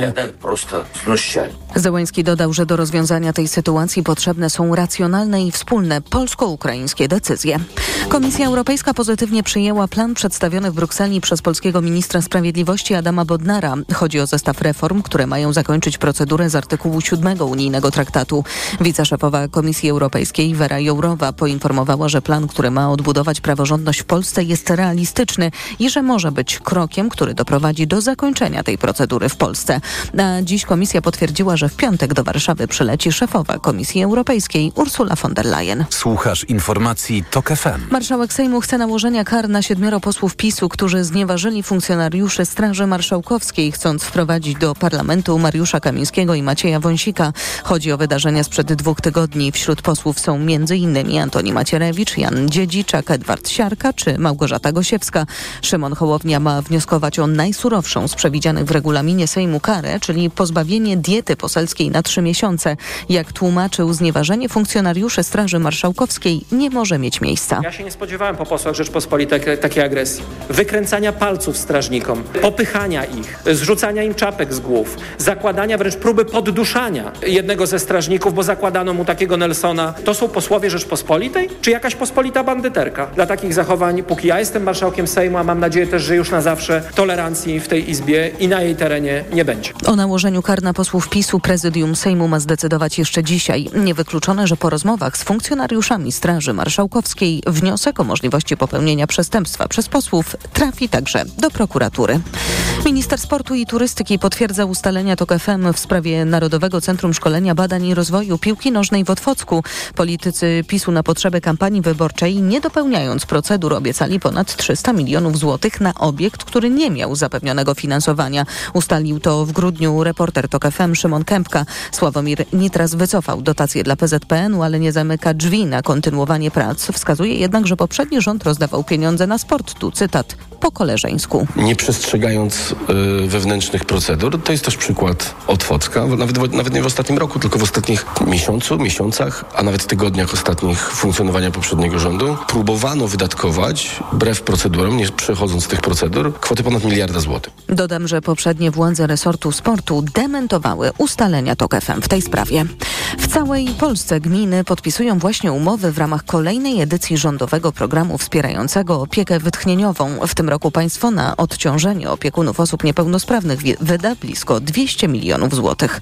Jakub Medek. Jednym z beneficjentów programu są Dziadkowice, niewielka podlaska gmina wiejska. Jak podkreśla wójt Antoni Brzeziński, dla gminy, która nie ma własnego ośrodka pomocy społecznej, program jest zbawieniem. Pozwala bowiem wynająć opiekunkę. Ona się zajmuje dwiema osobami pełnoletnimi, niepełnosprawnymi o stopniu znacznym i jest to duże wytchnienie, jak sama nazwa wskazuje, dla opiekunów. Nieco większy Zabłudów, również korzystający z programu od lat, stworzył u siebie m.in. Dom Samopomocy. Burmistrz Adam Tomanek wylicza, że korzysta z niego 30 osób. To są osoby niepełnosprawne i w tym momencie przez te kilka godzin dziennie ich rodzice, ich opiekunowie mogą po prostu odetchnąć. W sumie do podlaskich gmin w ramach programu w tym roku trafią 3 miliony złotych. Pozwolą pomóc blisko 1500 osobom. Jakub Medek, TOK FM. Kolejne informacje w TOK FM o 16.20. Pogoda. W nocy miejscami popada deszcz na północnym wschodzie i w górach, także deszcz ze śniegiem i śnieg. Na termometrach od minus jednego stopnia na południowym wschodzie, około czterech w centrum, do sześciu na zachodzie kraju. Radio TOK FM. Pierwsze radio informacyjne. Światopodgląd. Agnieszka Lichnerowicz. Tę część programu poświęcimy y, protestom rolników. Dziś kolejny y, dzień blokowania przez rolników ulic. Też właśnie do Krakowa się zbliżają. O tym naturze tych protestów, sednie ich, o sednie mi się wydaje, to jest kluczowe. Powiemy dużo więcej po 16.20, ale i teraz, choć zaczniemy od granicy, bo to jest blokowanie przez protestujących rolników granicy budzi bardzo dużo kontrowersji, szczególnie, choć nie tylko w e, Ukrainie, gdzie budzi no, ogromne emocje. Słyszeliście Państwo już Piotr Andrusieczko o tym wcześniej wspomniał, ale teraz Państwa gościnią jest Kateryna Pryszczepa. Dzień dobry. Dzień dobry. E, niezależna ukraińska dziennikarka, a też współpracowniczka New Eastern Europe. Wejść wystarczy na portal ukraiński, to jest pierwszy, drugi, trzeci temat e, w Ukrainie. Dlaczego? Dlaczego to jest. Wydaje mi się, że dużo więcej uwagi w Ukrainie, tej blokadzie granicy, się poświęca niż Polsce. E, no, jedno z pytań Ukraińców do Polaków, dlaczego tak mało temu uwagi jest poświęcone w polskich mediach, między innymi. To jest dlatego, że granica lądowa teraz dla Ukrainy jest drogą życia, o czym mówił też ambasador Ukrainy w Polsce. Większość handlu ukraińskiego towarami przechodzi teraz przez granice lądowe Ukrainy. Chociaż mówił wczoraj Załański, że 5% zdaje się ukraińskiego eksportu, czy coś takiego. E, nie. E, nie może tego być po prostu z, z, z, z powodów naturalnych. Czyli może, być może chodziło o... Eksporty rolne. Rol, tak. rolne. Tak. Natomiast, natomiast zablokowana granica zablokowała wszystko. Nie tylko produkty rolnicze, rolne. Zablokowała dostawę pomocy humanitarnej już. E, jeżeli na przykład podczas strajku przewoźników przynajmniej były deklaracje, że nie zatrzymywane są samochody przewoźnicze, wożące pomoc humanitarną. Teraz już e, tych, e, tych e, zastrzeżeń nie ma. Już są nagrania o tym, że są zatrzymywane samochody, które ktoś kupi i wiezie i części do wojska. Już są nagrania o tym, że protestujące zatrzymują ciężarówki odprawione już na, na granicę przez polską stronę i zmuszają ich do zrywania zabezpieczeń celnych, czyli po prostu zmuszają do łamania prawa. To jest, jak, jak, jak, jak pani mówi, że są nagrania, rozumiem, że kierowcy tych samochodów nagrywają tak, te tak. wydarzenia i puszczają to w internet tak. i tak Ukraińcy się I o tym Ukraińcy dowiadują. to obserwują. Mhm. Oraz są e, jakby doniesienia pasażerów e, autokarów przywożących właśnie osoby cywilne, kobiety z dziećmi przeważnie pasażerów, którzy mówią, że po przekroczeniu polskiej granicy e, zablokowano im drogę z aut autokarowi e, przez pijane, pijanych mężczyzn, e, którzy grozili im. Tak? No, czyli ta, to nie, to nie wygląda już na protest rolników, którzy walczą o swoje, tylko na taką, um, taki festiwal antyukraińskich zachowań. E, I jeżeli w Polsce właśnie, właśnie to jest problem, że jeżeli w Polsce do opinii publicznej docierają postulaty rolników, nie docierają szczegóły, jak to wygląda w terenie, a wygląda bardzo kiepsko. No, a na ile, bo, bo wiemy, że to psuje stosunek e, do e, Polaków, bo rozumiem, że też z drugiej strony nie do końca jest zrozumiałe dla Ukraińców, Dlaczego rolnicy? No bo rolnicy mają jakieś postulaty, jednak uważają, do tego przejdziemy, no ale z ich perspektywy e, otwarcie, liberalizacja granicy dla ukraińskiego importu, no po prostu im szkodzi. I na ile to jest zrozumiane w Ukrainie? Jak to się postrzega? Dlaczego blokowana jest granica? To jest informacja, która dociera, że e, ukraińscy, e, ukraińskie produkty rolne mogą być konkurencją dla polskich produktów rolnych. Natomiast z punktu widzenia ukraińskiego to wygląda tak, że eksport produkcji polskiej różnych, e, różnych gatunków cały czas jest większy niż eksport ukraiński do Polski. Po drugie, to jest bardzo zabawna statystyka, która jest, wychodzi z Polskiego Urzędu, Urzędu e, Krajowego Ośrodka Wsparcia Rolnictwa. W 2022 roku eksport rolniczej produkcji nie do Ukrainy, ale do krajów unijnych, przeważnie z Polski, wzrósł jakby o 10 miliardów euro w, e, w ciągu roku. Przed tym wzrasta o 2 miliardy rocznie. I e, nie bez powodu w Ukrainie uważano, że to jest między innymi z, z powodu eksportu zboża z Ukrainy, bo e, producenci mięsa na przykład kupując zboże z Ukrainy, jakby zwiększyli eksport mięsa z Polski do krajów unijnych, między innymi do Niemiec i z czego zarobiła Polska, polski budżet, e, polska gospodarka, to po prostu wzrost e, e, kilkarazowy, kilku, kilkukrotny w ciągu roku, czego nie było przedtem. I ten wzrost eksportu produktów rolnych z Polski do krajów unijnych, między innymi z powodu eksportu z Ukrainy zboża, cały czas trwa, trwa w 2023 roku.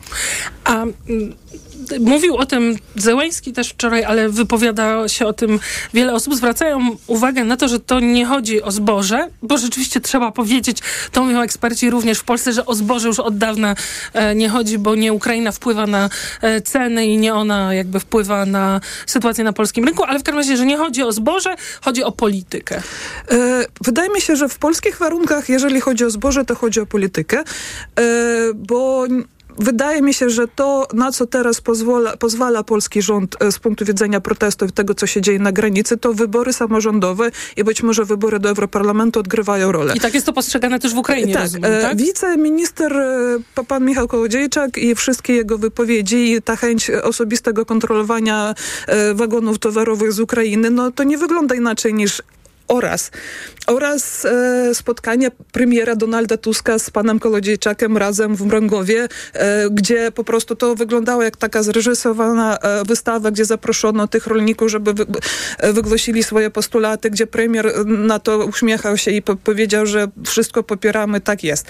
Więc e, to ewidentnie jest częścią wewnętrznej polskiej polityki obecnie. Natomiast wiemy, że chodzi też o zboże. Być może na początku chodzi o mhm. zboże, teraz bardziej. O inne produkty tak, teraz. Natomiast, natomiast e, też jakby e, w Polsce jest taka, taki myk został wykonany, że rolnicy produkujący zboże jakby reprezentują teraz całe polskie rolnictwo, a e, największy na przykład eksport polski rolniczy czy produktów rolniczych to jest właśnie mięso, a zboże jest na drugim miejscu. Czyli całość polskiego rolnictwa jest większa niż zboże, chociaż zboże jest ważnym tego, ważnym tego elementem.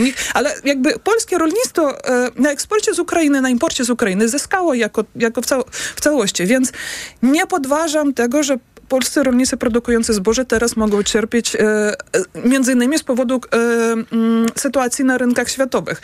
Natomiast to, że polskie rolnictwo w całości zarobiło, być może polskie państwo stać by na, jakiś, e, na jakąś no pomoc właśnie, to, za to chciałam zapytać, czy nastrój jest taki, że odpowiedzialność za to ponosi polski rząd, czy jednak rośnie też resentyment po prostu między ludźmi do, e, do rolników? Jak to jest jakby, kto jest wskazywany jako winny? Pytanie w Ukrainie brzmi, czy w Polsce w ogóle jest państwo i, i czy ono w ogóle działa. Czyli to tak, jest zabawne. Jak jest możliwe blokowanie granic, tak? Kwestia I, bezpieczeństwa. I bezprawie, to nie jest tak. To bezprawie, czyli to, na co sobie pozwalają e, protestujący, blokujący, to, to jest bezprawie, na które polskie w jakim państwo sensie? nie... Co to jest bezprawie? No, jeżeli ktoś zmusza kierowcę tira zrywać zabezpieczenie celne, to znaczy swoją drogę, jeżeli na, na tirze jest zabezpieczenie celne, to znaczy, że ten tir bez, bezpośrednio jest e, w tranzycie. On nie miał to, co wiezie, nie, nie miało zostać w Polsce, bo to jest zabezpieczenie, żeby przyjechało.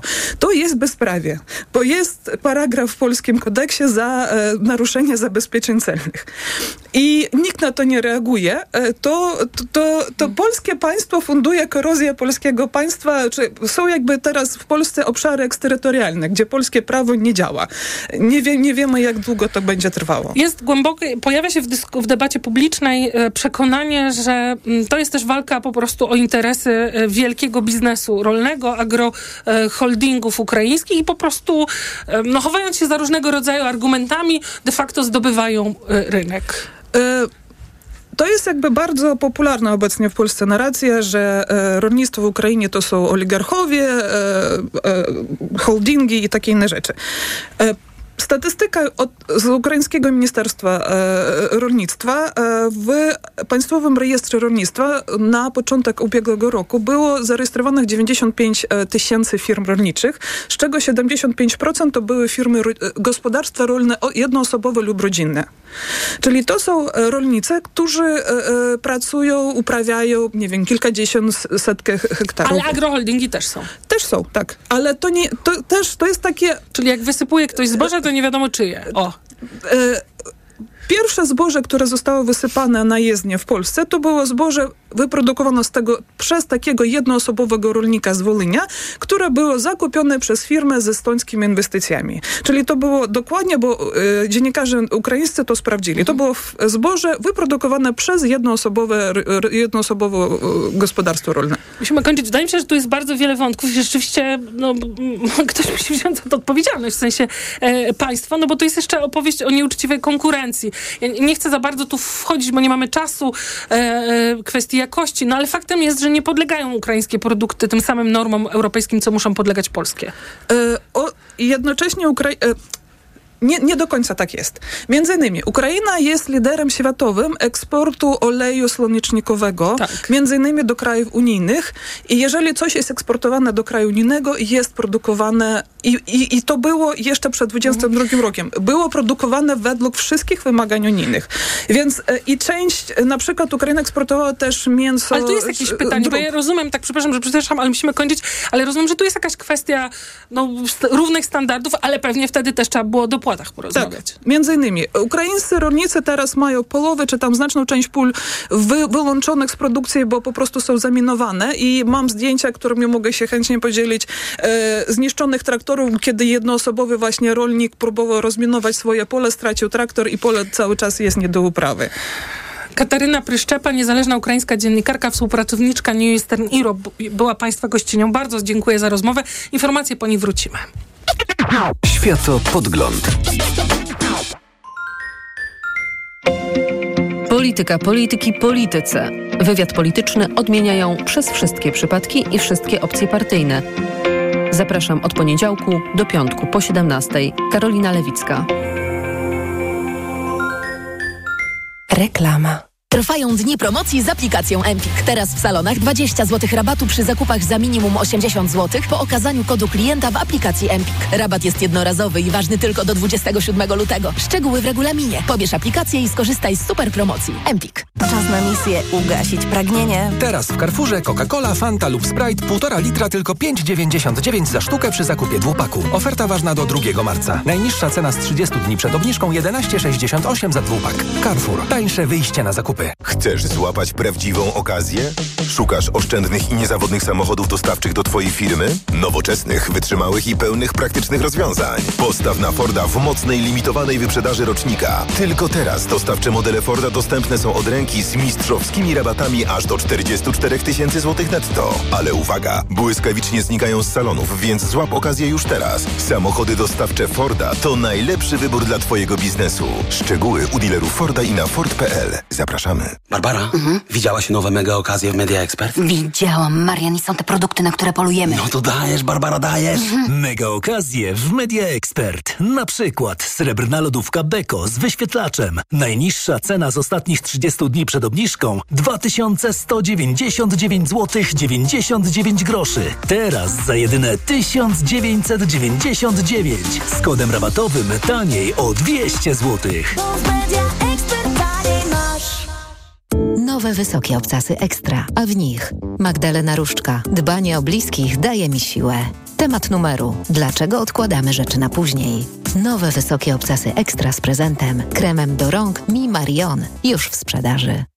W Lidlu ponad 100 wyselekcjonowanych produktów Deluxe aż do Wielkanocy. Między innymi wyborne desery od 6,99 oraz bogaty asortyment najlepszych wędlin. Również od 6,99.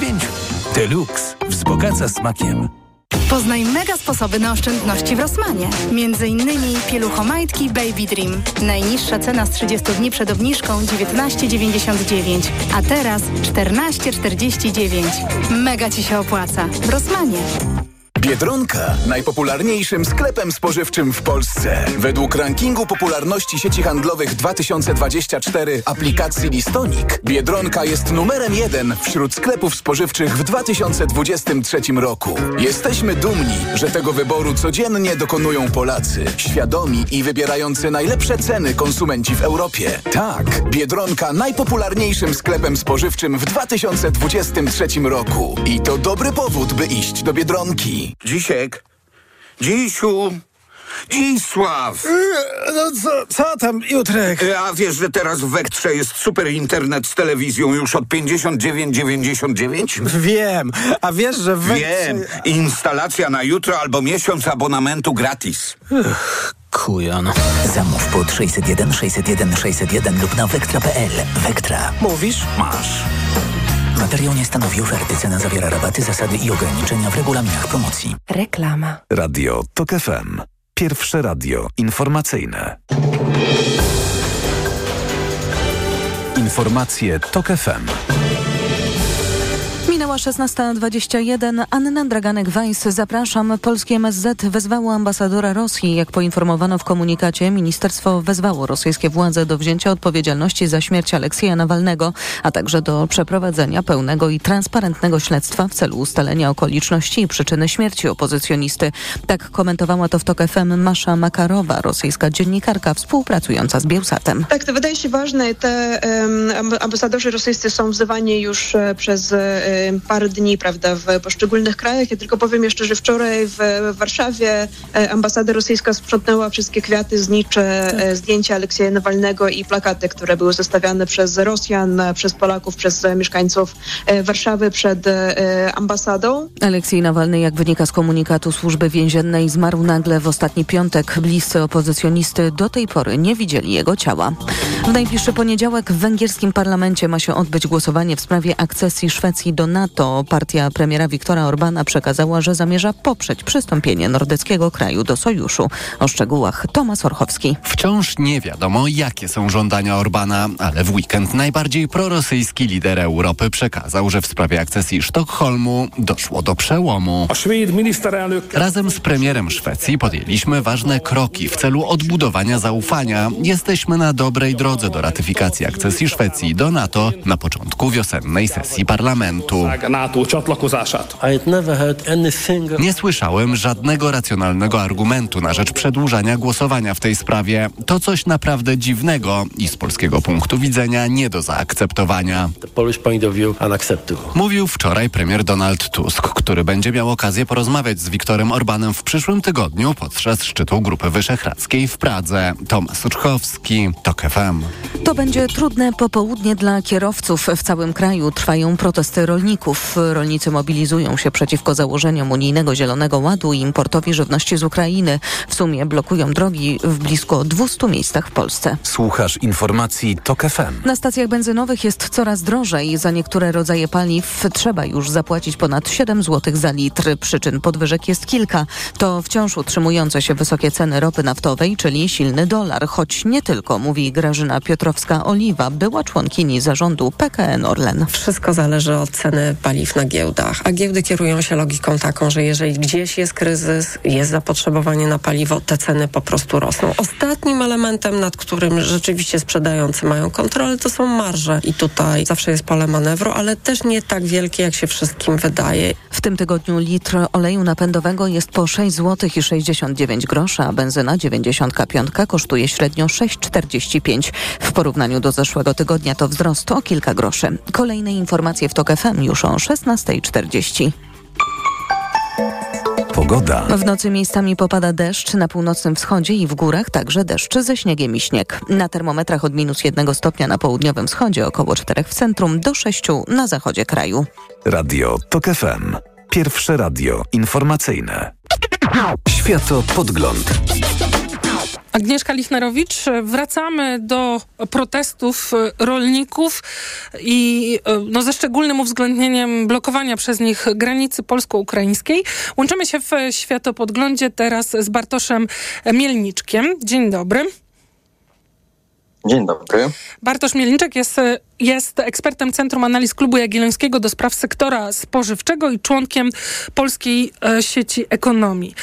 E, ta sytuacja, która każdego dnia pokazuje erozję Solidarności, to sytuacja, która każdego dnia pokazuje erozję Solidarności, to co się dzieje na naszej zachodniej granicy, granicą z Polską, to nie chodzi w tym, mówił prezydent Zełański o zboże, a chodzi o politykę i też relacjonowała Kateryna Pryszczepa chwilę temu tę perspektywę ukraińską, e, gdzie pada pytanie, gdzie jest polskie e, państwo.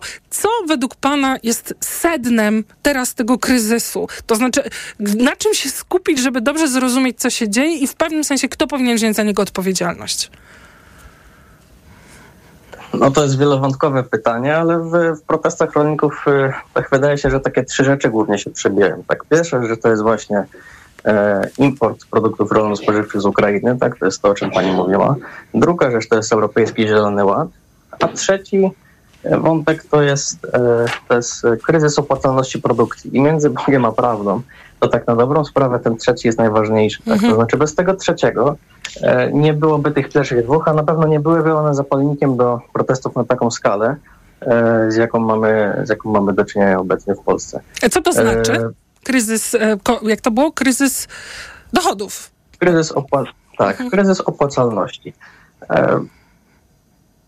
Słuchacze może się zastanawiają, tak, no ale chwila, jeżeli ja mam zakład fryzjerski na przykład, taka mi się biznes nie spina, no to ja nie wychodzę na ulicę i nie protestuję, prawda?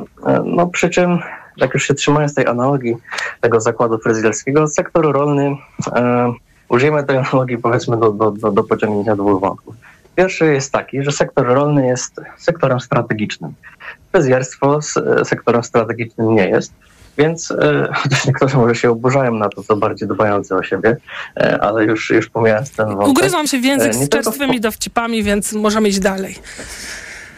Tak, tak. E, pomijmy też wątek e, podziemia fryzjerskiego podczas pandemii COVID-19, e, ale wracając, wracając do tematu naszej rozmowy, umówiliśmy się, że sektor rolnictwa jest sektorem strategicznym nie tylko w Polsce, ale w Europie. Jako Unia Europejska, poprzez prowadzenie wspólnej polityki rolnej, która jest absolutnie największą polityką unijną, wspólną, E, ustaliliśmy sobie, że produkcja żywności tutaj, lokalnie, jest absolutną podstawą dla funkcjonowania europejskiej wspólnoty, tak? Pod kątem gospodarczym, ale także pewnej takiej spójności społecznej czy, czy, czy, czy geopolitycznej. Fryzjerstwo, no powiedzmy, w tym, e, w tym obszarze nie jest. Nie ma, takiej, nie, ma takiej, nie ma takiego znaczenia. E, I znów teraz, tak, jeżeli się umówiliśmy, że to jest sektor strategiczny, to znaczy, że będziemy go oceniać nieco inaczej niż inne. To znaczy nie tylko pod kątem opłacalności, ale przede wszystkim e, pod kątem tego, czy ten sektor jest w stanie dostarczać te produkty pierwszej potrzeby, czy też żywność, e, obywatelom Unii Europejskiej, tak, obywatelom państw członkowskich. Więc to jest rzecz pierwsza. Tak? E, um, um, umówiliśmy się jakby, że produkcja żywności ma być nieco wyłączona powiedzmy spod mechanizmów rynkowych i że jako Unia Europejska, w tym także państwa członkowskie, będziemy stosować protekcjonizm. Druga rzecz – to jest to, że jak ktoś ma zakład fryzjerski, tak, czy jaką, jakikolwiek inny zakład usługowy, powiedzmy, tak, no to jeżeli mu się biznes nie spina, no to co robi? Tak, bo koszty wzrosły, to po prostu podnosi ceny, tak? Problem polega na tym, że rolnik tych cen podnieść nie może, bo rolnik nie jest na końcu łańcucha dostaw, nie jest przy konsumencie, tylko on jest na jego początku, tak?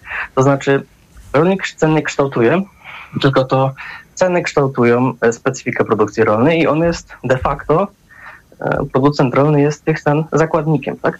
I z tym mamy obecnie do czynienia, tak? Bo tak jak e, podczas, na początku wojny rosyjsko-ukraińskiej mieliśmy ceny zbóż, w portach na przykład rolnik za, za tonę zbóż potrafił dostać 2000 zł, teraz dostaje 600, tak? Często słyszę w skupie. Więc to jest ogromny zjazd. Ceny zbóż są na historycznych minimach, i z powodu, właśnie żeby padło jasno, czemu te zboża są tak tanie?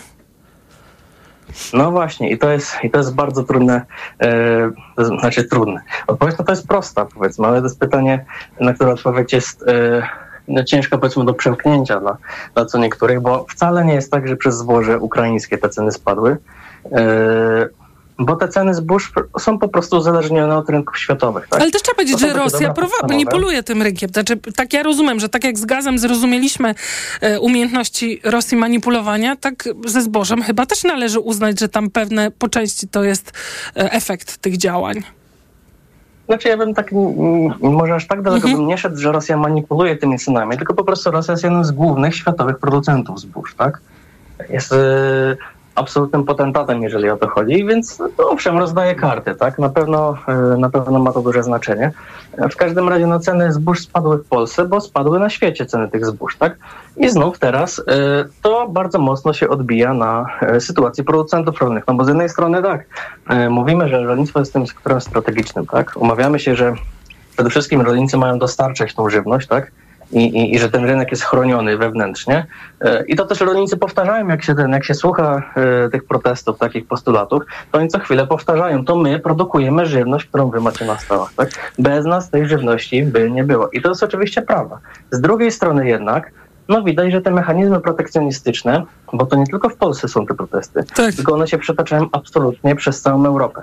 Widać, że ta unijna polityka rolna po prostu, e, ta formuła nieco się wyczerpuje, szczególnie pod kątem e, tej presji ekologicznej na, e, na, na, na, na ochronę środowiska, na redukcję emisji i tak dalej, i Europejskiego Zielonego Ładu, który znów dodatkowo na sektor rolny dokłada e, no, dodatkowe obciążenia i w Polsce one są szczególnie dotkliwe. Tak? Po pierwsze, dlatego, że mamy rozdrobniony sektor rolny, tak, czyli ta średnia wielkość gospodarstwa w Polsce jest no, generalnie mniejsza niż, niż, niż w innych krajach Unii Europejskiej. No do Ukrainy to ja nawet nie porównuję, tak? To ja... Ale to, o czym mówiłem, no, bo ja bym może tylko mówiłem, podsumowała, że... jeżeli pan to. Czy jest problem w ogóle Tak. wspólnej polityki rolnej, strategiczny, e, co, jak tym rynkiem zarządzać, albo oddać wolnemu rynkowi, albo jednak e, p- e, chronić i, i to jest problem Tak, jest to takie bardzo głęboki. Tak, jest to taki spór między. Tak, Ale na Jest to taki bieżąco. spór między pracą a kapitałem. Tak. A na bieżąco, ale to jest, mówię, podkreślam, to jest strasznie ważne, tylko em, wydaje się, że są problemy też na bieżąco dotyczące konkretnych właśnie rozwiązań, które są wprowadzane w ramach Europejskiego Zielonego Ładu, czyli jednak też w interesie rolników i nas wszystkich, bo mamy kryzys klimatyczny i kwestia liberalizacji e, impor, e, warunków e, importu dla Ukraińców, czyli zniesienia e, No i, i kto, czy tu są decyzje, które można by było podjąć, e, żeby wyjść naprzeciw żądaniom rolników i żeby no oni, nie wiem, no nie rosł w resentyment antyukraiński, antypolski? Niestety on rośnie i, i obserwując to, co się dzieje, i poprzedni rząd, i obecny niestety tak, że nie widzę za bardzo pomysłu na takie długoterminowe rozwiązania. Dlatego, że to są rozwiązania trudne. Takie, tak jak pani powiedziała, że to jest ogólnoeuropejski wątek, tak? To my jako Europa i także jako Polska musimy podjąć decyzję, w którą stronę idziemy, tak? Czy w stronę rynku. I wtedy no, godzimy się na to, że ten nasz model rolnictwa oparty o, o, o te małe gospodarstwa zostanie, po, będziemy po prostu zarzynać, tak? Mhm. Mówiąc brzydko. Yy, i, i, i, I będziemy to urynkawiać albo e, chcemy ten rynek jeszcze bardziej chronić, no bo teraz zawirowania są większe niż w tej erze spokoju i pokoju i tak dalej, który mieliśmy dotychczas. Tak? Czyli Jakie chcemy postulaty? lokalnie No teraz- produkować, zdrowo i tak Dokładnie. dalej. I teraz tutaj jest jeszcze jeden dylemat. Tak pani powiedziała, że Europejski Zielony Ład uderza w rolników, ale on jest na korzyść obywateli. Oczywiście, Rolników przy czym to trzeba wyważyć. Tak, przy czym to trzeba wyważyć, tak? E, dlatego, że e, produkcja żywności lokalnie także jest absolutnie korzystna dla nas, tak? To znaczy te łańcuchy dostaw są krótkie, wartość dodana u nas zostaje, tak? A nie leci gdzieś tam e, do krajów e, spoza Unii Europejskiej, tylko ten pieniądz cyrkuluje tutaj, a przede wszystkim taka żywność jest zdrowsza, bo Unia Europejska ma bardzo zdrową żywność w skali świata i przede wszystkim ma także mniejszy ślad węglowy, no bo koszty transportu są zdecydowanie mniejsze, tak? Więc to także jest korzystne dla środowiska, ale jeżeli za bardzo wyśrubujemy te normy i za bardzo dociśniemy rolników, to ta produkcja i stabilność tej produkcji, jeżeli nie będzie w zamian za Europejski Zielony Ład dodatkowych rozwiązań, wsparcia dla tego sektora rolnego, no to może się okazać, że wtedy e, trochę jakby no przedobrzyliśmy, mówiąc kolokwialnie, tak? I że to stabilność produkcji e, żywności tutaj, lokalnie, jest zagrożona, wobec czego no, ta, ten, ten zwrot proekologiczny może był nie do końca Mhm. zgrany czasowo, tak? Czy, czy, czy, nie, do, nie do końca powinnie, powinniśmy, e, no powinniśmy trochę inaczej akcenty rozłożyć. Musimy tak? Tak. kończyć, ale mam nadzieję, że przyjmie pan jeszcze na ciągi dalsze, ciąg dalszy e, zaproszenie do rozmowy, bo tu jest dużo wątków. Ale czy będzie według pana e, jednak, je, jeżeli byśmy z tego zrozumieli, że to są wielkie strukturalne problemy, no a jednak złość idzie w kierunku, który ich nie rozwiąże. Obecnie w sensie.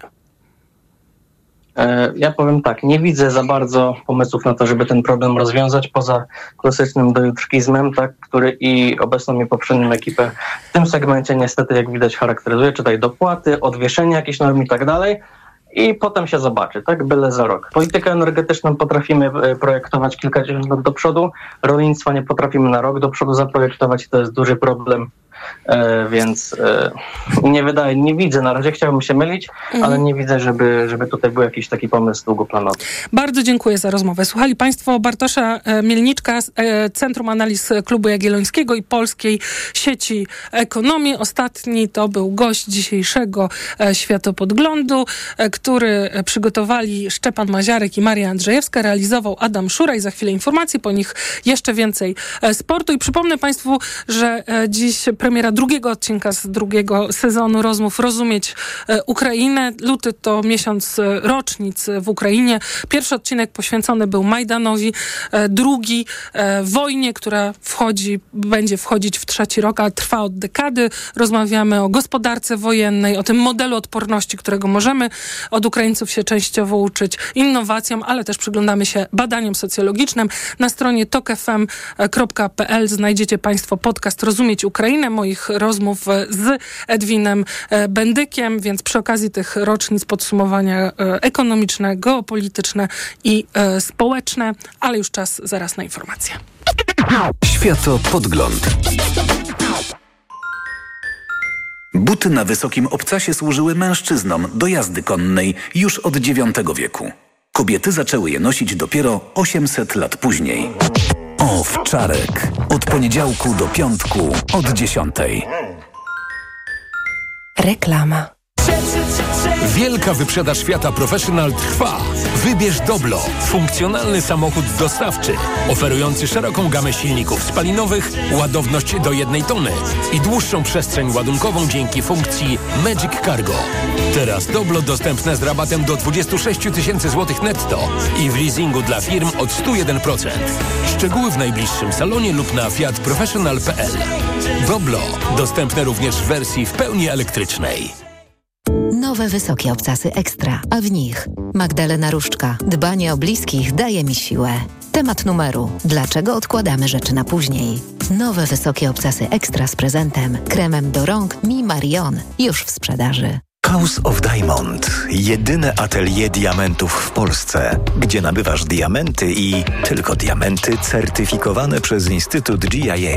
Gwarantujemy doskonały szlif i polerancję, doskonałą symetrię i zerową fluorescencję zgodne z międzynarodowym cennikiem Rapaport. To miejsce, w którym odczujesz szlachetność kamieni w mariażu ze sztuką. Ambasadorka marki Małgorzata Foremniak. www.houseofdiamond.pl Fabryka Norblina. Warszawa. Marzysz o własnym mieszkaniu lub o inwestowaniu w nieruchomości? Rezi Capital, oferujący mieszkania w najlepszych lokalizacjach, zaprasza na dni otwarte w Łodzi i Katowicach w piątek i sobotę 23 i 24 lutego. Adresy biur sprzedaży znajdziesz na www.rezicapital.pl. Przyjdź i sprawdź wyjątkowe oferty. Kierowco, jedź prosto do celu z nawigacją Garmin Drive Smart, która dostosuje trasę do sytuacji w czasie rzeczywistym. Poinformuje o korkach, punktach kontroli i fotoradarach. Wizualizacja budynków w 3D ułatwi orientację w terenie. Prowadź bezpiecznie z wygodną funkcją sterowania głosowego i siedmiocalowym bezramkowym wyświetlaczem. Kup w Media Expert nawigację Garmin Drive Smart 65 w super cenie za 550 zł. Szerokości. Dlaczego wybieramy Witotal dla kobiet? Zawiera aż 23 witaminy i minerały w wysokich dawkach. Witotal dla kobiet kompleksowo wzmacnia organizm. Jod i selen wspomagają prawidłowe funkcjonowanie tarczycy. Nie muszę martwić się celulitem i moją sylwetką. Wyciąg z winogron pomaga utrzymać wagę. Witotal dla kobiet zawiera też wyciąg ze skrzypu polnego, który sprawia, że moje włosy są piękne, a paznokcie zdrowe. Suplement diety Witotal dla kobiet. Więcej niż witaminy. Aflofarm. Jak naturalnie budować odporność? Czym wzmocnić organizm swój lub swoich dzieci? Po jakie naturalne substancje warto sięgnąć? Zapraszamy na cykl, w którym razem z zaproszonym ekspertem poruszymy te oraz inne tematy dotyczące naszej odporności. Już po godzinie 12.